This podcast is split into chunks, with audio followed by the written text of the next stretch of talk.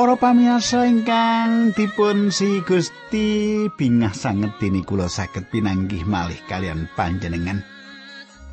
Wah. Kala minggu kepengker kula dipun ulemi khotbah wonten satunggalipun gereja. Papuji kula kepingin mirengaken panjenengan khotbah langsung kemawon, Pak. Mboten sah mirengaken wonten ing radio. Nggih. Kula lajeng sowan. Wah.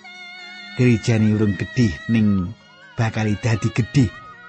Saestu semangat ngladosi mripatipun cemlorot-cemlorot jemaatipun pendetanipun ugi sampun radi sepuh sak umur kula nanging semangatipun kados larinem. nah para pamirsa, kula badhe sesarengan kalian panjenengan sawetara wekdal menika wonten ing adicara margi utami.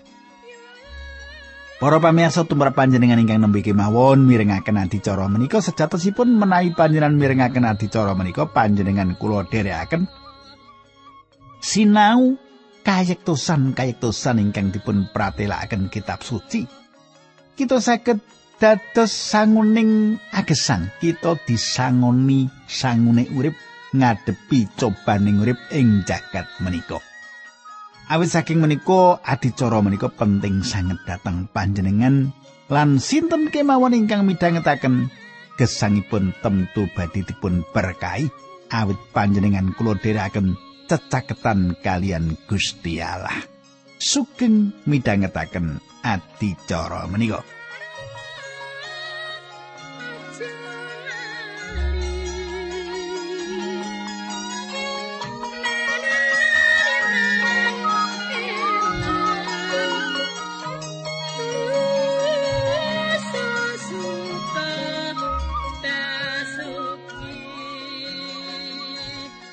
Para pamirsa, menawi panjenengan sampun mirengaken, Duk nalika kepengker kula sampun nderekaken panjenengan nyemak pangandikanipun Gusti saking Ester bab 6 ayat 2 ngantos pitu ayat 2. Samenika panjenengan kula dherekaken nyemak pangandikanipun Gusti ingkang kula pendet saking Ester bab 8. Kepengker Kita sampun nyemak kados pundi Haman tundhonipun dip pun patrapi paukuman Sang Prabu awet Esther sampun nglairaken menapa ingkang sampun direncana dening Haman. Nah para pamirsa samenika badhe kita lajengaken nanging saderengipun menika monggo kita tumungkul kita ndedonga langkung rumiyin. Duh Kanjeng Rama ingkang adhedhampar wonten kraton ing kasuwargan Kawula ngaturaken gunging panuwun menawi wekdal menika kawula saged tetunggilan kalian sederek-sederek kawula ingkang setya tuhu midhangetaken adicara menika. Kawula nyuwun Gusti berkahi Gusti mitulungi kawula. Mugi Gusti nuntuni supados pangandikan lan adicara menika. Saestu dados penglipuran lan kegiatan tumrap sederek-sederek kawula ingkang midhangetaken adicara menika. Linambaran asmanipun Gusti kawula Yesus Kristus kawula netunggal haleluya amin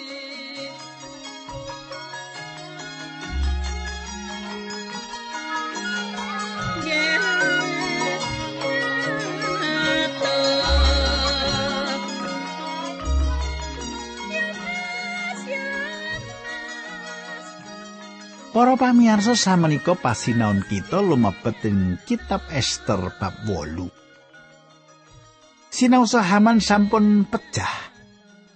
Gegayutan paukuman pecah tasih dereng wonten putusan ingkang gumathok kangenipun saben tiang Yahudi. Putusan nyirnakaken tiang Yahudi ingkang sampun dipun sebar tasih lumampah. Kados pundi caranipun batalaken pasal menika badhe ngaturi jawaban. Panjenengan semak ayat setunggalan kalih. Ing dina kuwi uga bandane Haman mungsuhe wong Yahudi diparingake dening Sang Prabu marang Ratu Ester kabeh.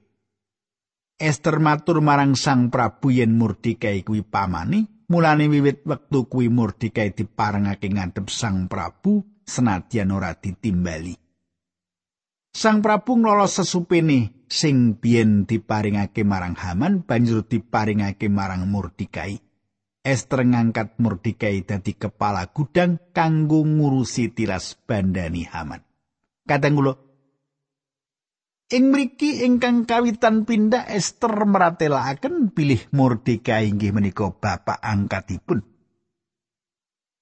Mordekai inggih menika tiyang ingkang nampik ngurmati Haman kanthi mbungkuk inggih awit patrap menika ingkang dados jalaran medalipun putusan ingkang gegirisi. Perangan menika nedahaken bilih Sang Prabu saged ngginakaken sesupenipun. Kapikanipun utawi ali-alinipun sakajengipun piyambak.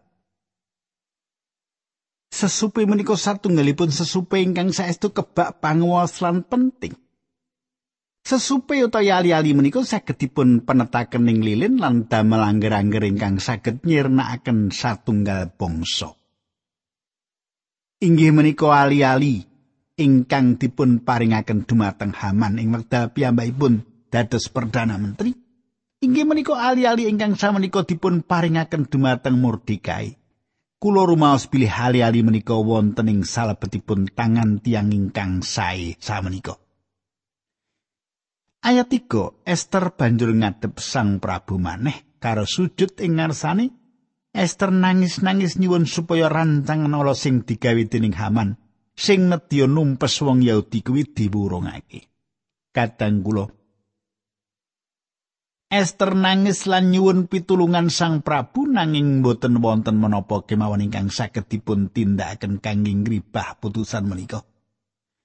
Putusan menika mboten saged dipun ribah malah Sang Prabu piyambak mboten saged ngentosi angger-angger menika. Ayat sekawan ngantos 6. Sang Prabu ngatungake lantarane Mas marang Ester, banjur Ester ngadeg lan matur. Menawi Sang Prabu danganing penggalilan asih dateng kula. Mugi kersa ngasta serat keputusan kangge mbatalaken serat-serat ingkang dipun damel dening Haman ingkang isi perintah numpes tiang Yahudi sedaya ingkang wonten ing negari ngriki. Kula rak mboten badhe tega ningali bangsa lan sanak sederek kula ditelas dipun pejahi. kadang kula.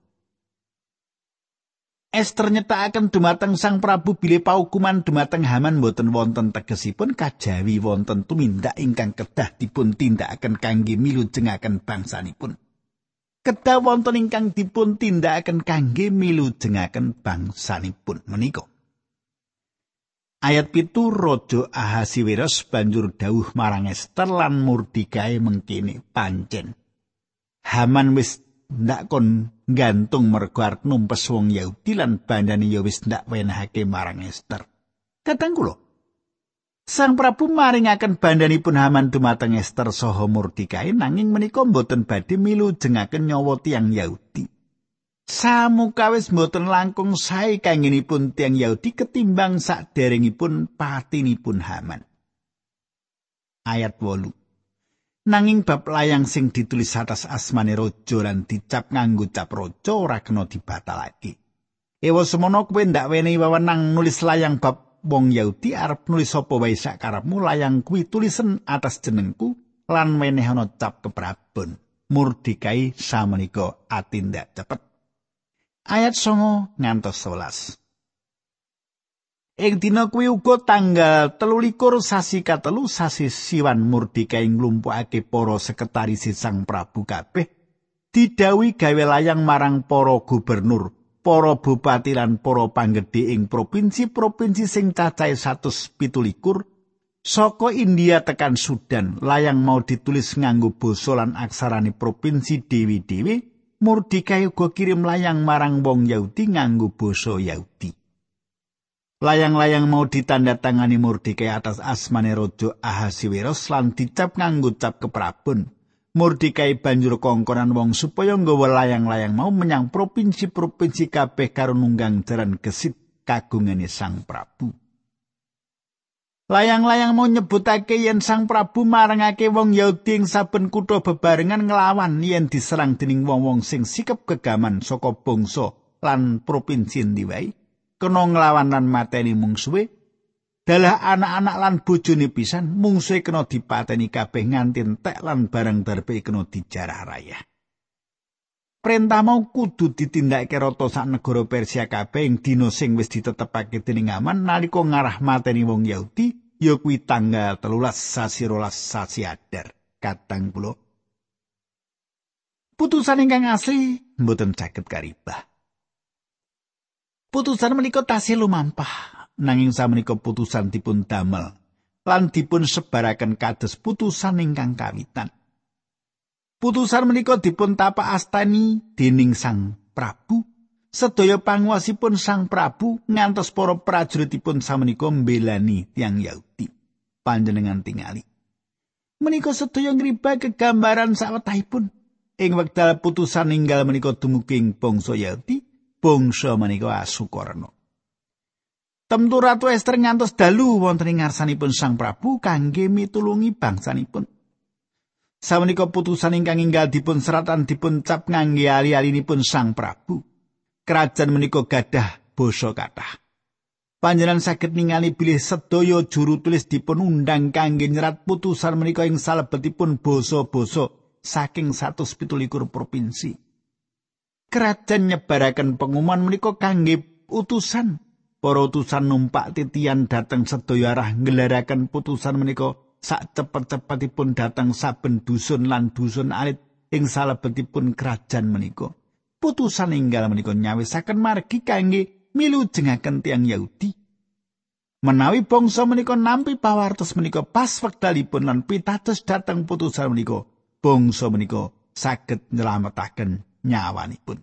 Kadang kula Menika mboten satunggal contoh ingkang kathah dipun ginakaken ing wekdal samenika nanging menika satunggalipun gambaran langsung saking Gusti Allah. Setunggal Korintus sedoso ayat 11. Anane lelakon kabeh mau supaya dadi tulodo kanggo wong-wong liya lan kabeh mau katulis minangka pepiling tumrap kita sing padha ing jaman pungkasan. Para pamirsa, Gusti Allah nyebaraken satunggal putusan. dipun ngendikaken dene wong sing nglakoni dosa kuwi sing kudu mati. Yeskiel 18 ayat sekawan. Putusan menika mboten namung kangge tiang-tiang mligi ing laladan ingkang dusun utawi sawetawis tiang ingkang nindakaken piawon. Putusan menika kangge saben tiang. Rom 3 ayat 23 kabeh wis padha gawe dosa lan adoh karo Gusti Allah sing dadi atuing keslametane. Yesaya swidak papat ayat 6. Kawula sedaya sami tiyang najis saha sakata ing kamursitan kawula menika kados sinjang ingkang kenging sesukerah margi saking dosa-dosa kawula kawula sami kados klaras garing ingkang kaburing angin. Kadang kula Gusti Allah mboten saged milu jengaken kita dinten menika lumantar kasampurnan. awit kita mboten saged nindakaken. Gusti Allah mboten saged milu jengaken kita kanthi anggenipun kita mboten sempurna awit panjenenganipun mboten saged ngirangi syaratipun. Kok angel yo. Eh ngaten iki. Iya. Ora iso nyang swarga awit mboten sempurna kita. Ning syarate ora didonake. Para pamirsa kita kalebet ing salebetipun bangsa ingkang icap. Inggih menika kahanan angel ingkang dipun lampahi manungsa, inggih menika perkawis ingkang dipun lampahi keluarga manungsa. Kita gadah kekajengan menggalih bilih perkawis menika duka wonten ing pundi wonten ing manahipun tiyang nanging sayektosipun wonten ing salebetipun manah kita piyambak. Saking manah kita medal sedaya perkawis ingkang awon, jagat menika sampun saestu najis. Mboten namung lepen lan awang-awang nanging manah manungsa sampun najis. Gusti Allah kedah paring paukuman. Manungsa inggih menika tiyang dosa lan betahaken Sang Juru Wilujeng. Para pamirsa, kathah tiyang boten remen mirengaken perkawis menika. Kathah gereja ing wekdal menika sampun dados liberal. Liberalisme alasan ing karingkian. Tiang ingkang jumenenging mimbar boten wantun sanjang dumateng tiang pilih piyambakipun menika tiang dosa. lan betahaken sang juru wilujeng.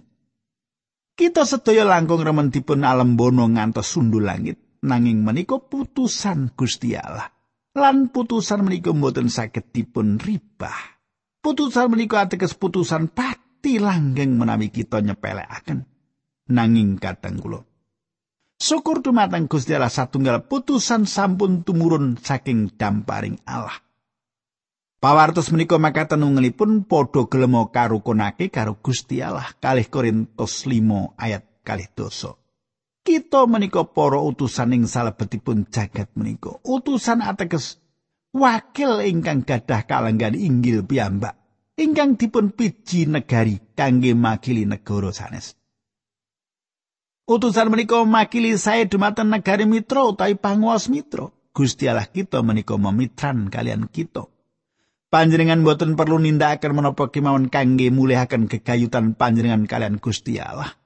Panjenenganipun sampun nindakaken kangge panjenengan. Sang Kristus sampun sedo kangge panjenengan lan kula menapa ingkang saged kita tambahaken ing menapa ingkang sampun dipun tindakaken Sang Kristus. Kadang kula panjenengan boten saged nindakaken menapa-menapa kangge nglembutaken manahipun Gusti Allah. manahipun Gusti Allah panci sampun lembut dumateng kita awet Gusti Yesus sampun bayar paukuman atas dosa-dosa kita. Samenika kita saged sanjang pilih menawa Gusti Allah piyambak nunggil karo kita sapa sing wani nglawan kita Rum 8 ayat 3 tunggal. Gusti Allah wonten ing pihak kita putusan sampun dipun umumaken pitadosa dhateng Gusti Yesus. Panjenengan mesti badhe wilujeng. Inggih panjenengan inggih brayat panjenengan. Para rasul 16 ayat 3 dosa tunggal. Menawi panjenengan masrahaken keyakinan panjenengan dumateng Sang Kristus para pamirsa, panjenengan badhe dipun wilujengaken. Inggih menika cecawis ingkang dipun cawisaken Sang Prabu Ahasiweros kangge tiang-tiang Yahudi. Menapa ingkang bangsa Yahudi kedah tindakaken inggih menika? Pitados dumateng putusan enggal menika lan atindak alandesan perkawis menika. Menika ingkang badhe milujengaken saking pati para pamirsa. Gusti Allah gadah satunggal cara kangge milujengaken tiang-tiang dosa. Panjenengan boten cekap sae kangge mlebet ing swarga lan panjenengan boten badhe nate saged nindakaken Gusti Allah sampun makarya kangge panjenengan panjenengan lan kula kedah sowan dumateng panjenenganipun lan nampi kawilujengan ingkang dipun cawisaken kangge kita inggih menika satunggal jubah kayektosan ingkang sempurna. Sang Kristus maringaken kayektosanipun dumateng kita. Panjenengan boten saged mbudidaya piyambak Gusti Allah saged nuntun kita selaras kawontenan kita. Kita kedah dipun lairaken malih. Inggih menika ingkang dipun ngendikaken Gusti dumateng Nikodemus. Satunggalipun pemimpin tiang Yahudi. Kowe kabeh kudu kalairake maneh. Yohanes telu ayat pitu. Ing salebetipun setunggal Petrus setunggal ayat 23 Gusti Allah meratelaken makaten. Awit nggonmu padha kalerake maneh kuwi dening pangandikane Gusti Allah kang gesang lan kang langgeng kaya dene anak saka bapak sing kali sing pati dudu bapak menungso. Para pamirsa awit kita mireng lan pitados dumateng pangandikanipun Allah kita dipun lairaken malih lan gesangipun dipun ribah. Kadang kula Kulo mboten ngaturaken dumateng tiang kekayutan masrahaken gesang panjenengan dumateng Gusti Allah. Kados-kados wonten ingkang saged dipun serahaken. Manut panjenengan menapa Gusti Allah ngersakaken gesang lami panjenengan? Gusti Allah ngersakaken maringaken dumateng panjenengan gesang ingkang inggal. Panjenenganipun ngersakaken panjenengan nglampahi kelahiran inggal. Panjenenganipun ngersakaken milu jengaken panjenengan tiang Yahudi ing jaman Ester kedah mangertos bilih putusan sampun dipun damel kangge nyirnakaken piyambakipun. Ugi bangsa Yahudi pitados bilih Sang Prabu mihak dumateng bangsa Yahudi lan sampun ngedalaken putusan sanes kangge milu jengaken bangsa menika. Kita ugi kedah pitados bilih Sang Raja atas sedaya raja wonten ing pihak kita. Kula menika utusanipun kangge Sang Kristus lan awit saking menika atas asmanipun Gusti Allah kula kedah ngendikaken dumateng panjenengan padha gelemo karukunake karo Gusti Allah kalih Korintus gangsal ayat kalih doso panjenenganipun sampun ngrukunaken badanipun kalian panjenengan. Dados putusan kaping kalih saking raja dipun sebaraken. Ayat 13 lan 18 layang mau kudu didadekake undang-undang. Lan diumumake marang wong kabeh provinsi-provinsi supaya wong Yahudi padha siaga nglawan marang para mungsuhe semangsa tekan dinani. Para utusan sing ngeterake layang mau banjur padha budal nunggang jaran kagungane Sang Prabu. Perintah mau uga diwacake ana ing Susan, ibu kotane negara Persia. Para pamirsa, kula mboten budidaya kangge ngajri-ajri panjenengan, nanging menika saged satunggalipun ingkang pungkasaning pundi panjenengan kadhawangan kangge nampeni Sang Kristus dados juru wilujeng. Samenika inggih menika wekdal kangge pitados dumateng Sang Kristus. Satunggal tunggalipun wekdal ing pundi Gusti Allah ngersakaken panjenengan nindakaken kanthi inggal-inggal inggih menika nampi putranipun. Ayat kang 11.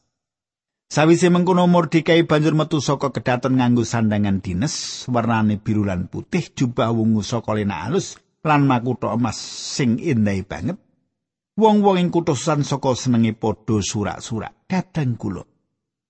Jubah kerajaan ingkang samenika dipun angge Mordekai tentu benten kalian rasuan sungko ingkang dipun wuwuri lebu ing saderengipun.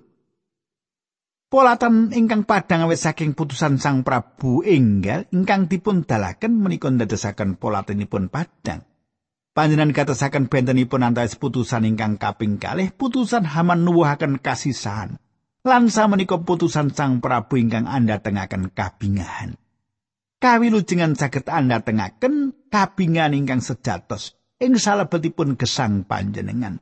Namung ing wekdal panjenengan sowan dumateng Sang Kristus, panjenengan badhe ngrasaken kabingan ingkang nyata. Ayat 16.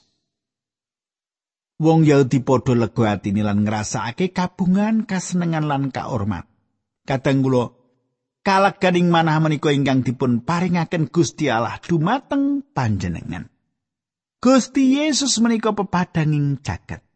Panjenenganipun ugi kabingahan panjenenganipun ugi karemenan lan panjenenganipun ugi pikurmatanipun jagat. Perkawis menika maringi pikurmatan dumateng tiang dosa inggih menika nampeni juru wilujeng inggih menika Gusti Allah ingkang manjalmo dados manungsa. Ingkang sedo kangge tiang-tiang menika kasunyatan menika badhe ngangkat tiang-tiang dosa saking lendut. Menika badhe dados jalaran tiang dosa saged melampah kanthi sirah lan abingah-abingah. Menapa panjenengan wonten ing kahanan Sukarana ing wedal samenika kanthi Sukarana ingkang tuwa saking salebetipun manah panjenengan. Menawi gesang panjenengan dereng kapenuan ing kabingan swan dumateng Sang Kristus kemawon lan panjenenganipun badhe maringi panjenengan ingkang saged dipun riyayakaken kanthi kebak kabingan. Ayat 17. Ing saben kutha provinsi semangsa layang mau diwacake wong Yahudi padha bunga-bunga lan nganakake pesta malah akeh penduduk sing banjur mlebu dadi warga Yahudi merga padha wedi karo bangsa mau. Kadang kula Awit ajri dumateng tiang Yahudi kathahing negari menika mlebet dados tiang Yahudi inggih menika tiang-tiang menika nampi agami Yahudi. Bangsa Israel dados seksi ingkang langkung saya dumateng jagat tinimbang ingkang kita tepang. Kadang kula kula sigek samanten rumiyin monggo kita ndedonga. Dukane Rama ing swarga paripurna ing wanci menika kawula ngandharaken pangandikan paduka ingkang dipun candi sederek-sederek pamirsa sedaya. Kawula nyuwun sebatas menapa ingkang abdi paduka andharaken menika dados kegiatan panglipuran lan kandeling iman kapitadosan sederek kawula menika lan kawula pasrahaken berkah paduka dhateng sederek menika. Dinambaran asmanipun Gusti Yesus Kristus kawula netunggal haleluya. Amin